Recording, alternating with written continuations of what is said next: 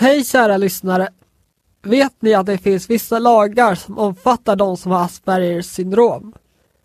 Det finns fyra stycken lagar som speciellt påverkar. De är Lagen om stöd och service till vissa funktionshindrade, även kallad för LSS-lagen, Hälso och sjukvårdslagen, Skollagen samt Socialtjänstlagen. LSS-lagen LSS betyder Lagen om stöd och service till vissa funktionshindrade och de tjänster man får enligt LSS-lagen som är lag 1993,387 är så kallade LSS-insatser. Dessa LSS-insatser innefattas bland annat av daglig verksamhet, boende med särskild service och kontaktperson. Daglig verksamhet innebär att man får hjälp att öva inför en löneanställning. Boende med särskild service innebär att personen i fråga får omvårdnad av personal med särskild kompetens. Kontaktpersonen tar med personen i fråga till olika vardagliga aktiviteter eller är stöd i skolarbetet. Man kan även vända sig till verksamheter som bland annat habiliteringscenter, Forum Funktionshinders rådgivning och Aspergercenter.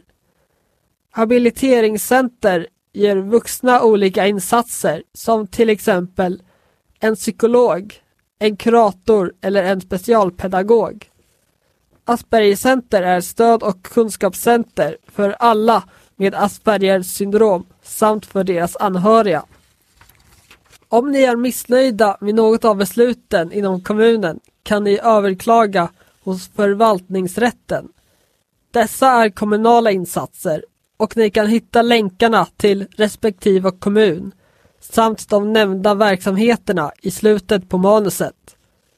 Skollagen Lag 2010 kolon 800 Denna lag innefattar bland annat att utbildningen ska anpassas efter elevens behov och förhindra kränkande behandling.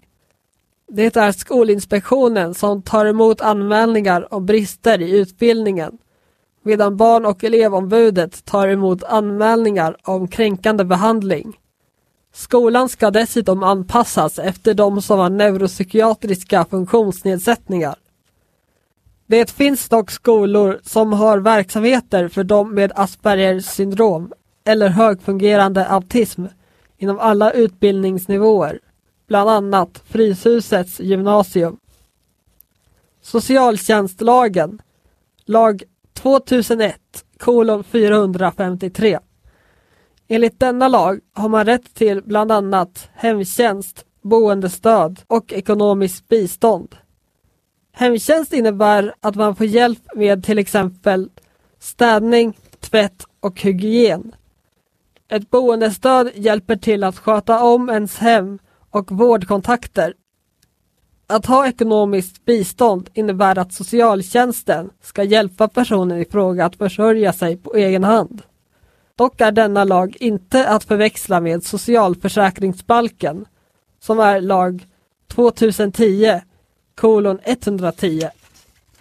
Hälso och sjukvårdslagen lag 1982 kolon 763 Enligt denna lag kan man bland annat få insatser på vuxenpsykiatrin, barn och ungdomspsykiatrin BUP samt habiliteringscenters mottagningar i Stockholms län som är listade i manuset.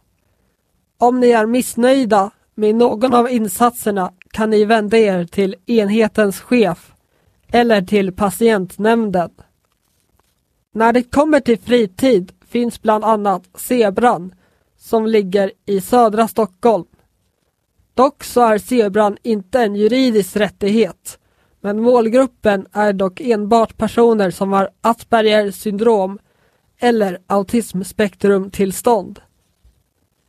Sist men inte minst, om ni vill se alla insatser man har rätt till kan ni läsa i bilden under länken från Autism och Aspergerförbundet som ni kan se högst upp i beskrivningen. Tack för att ni lyssnade!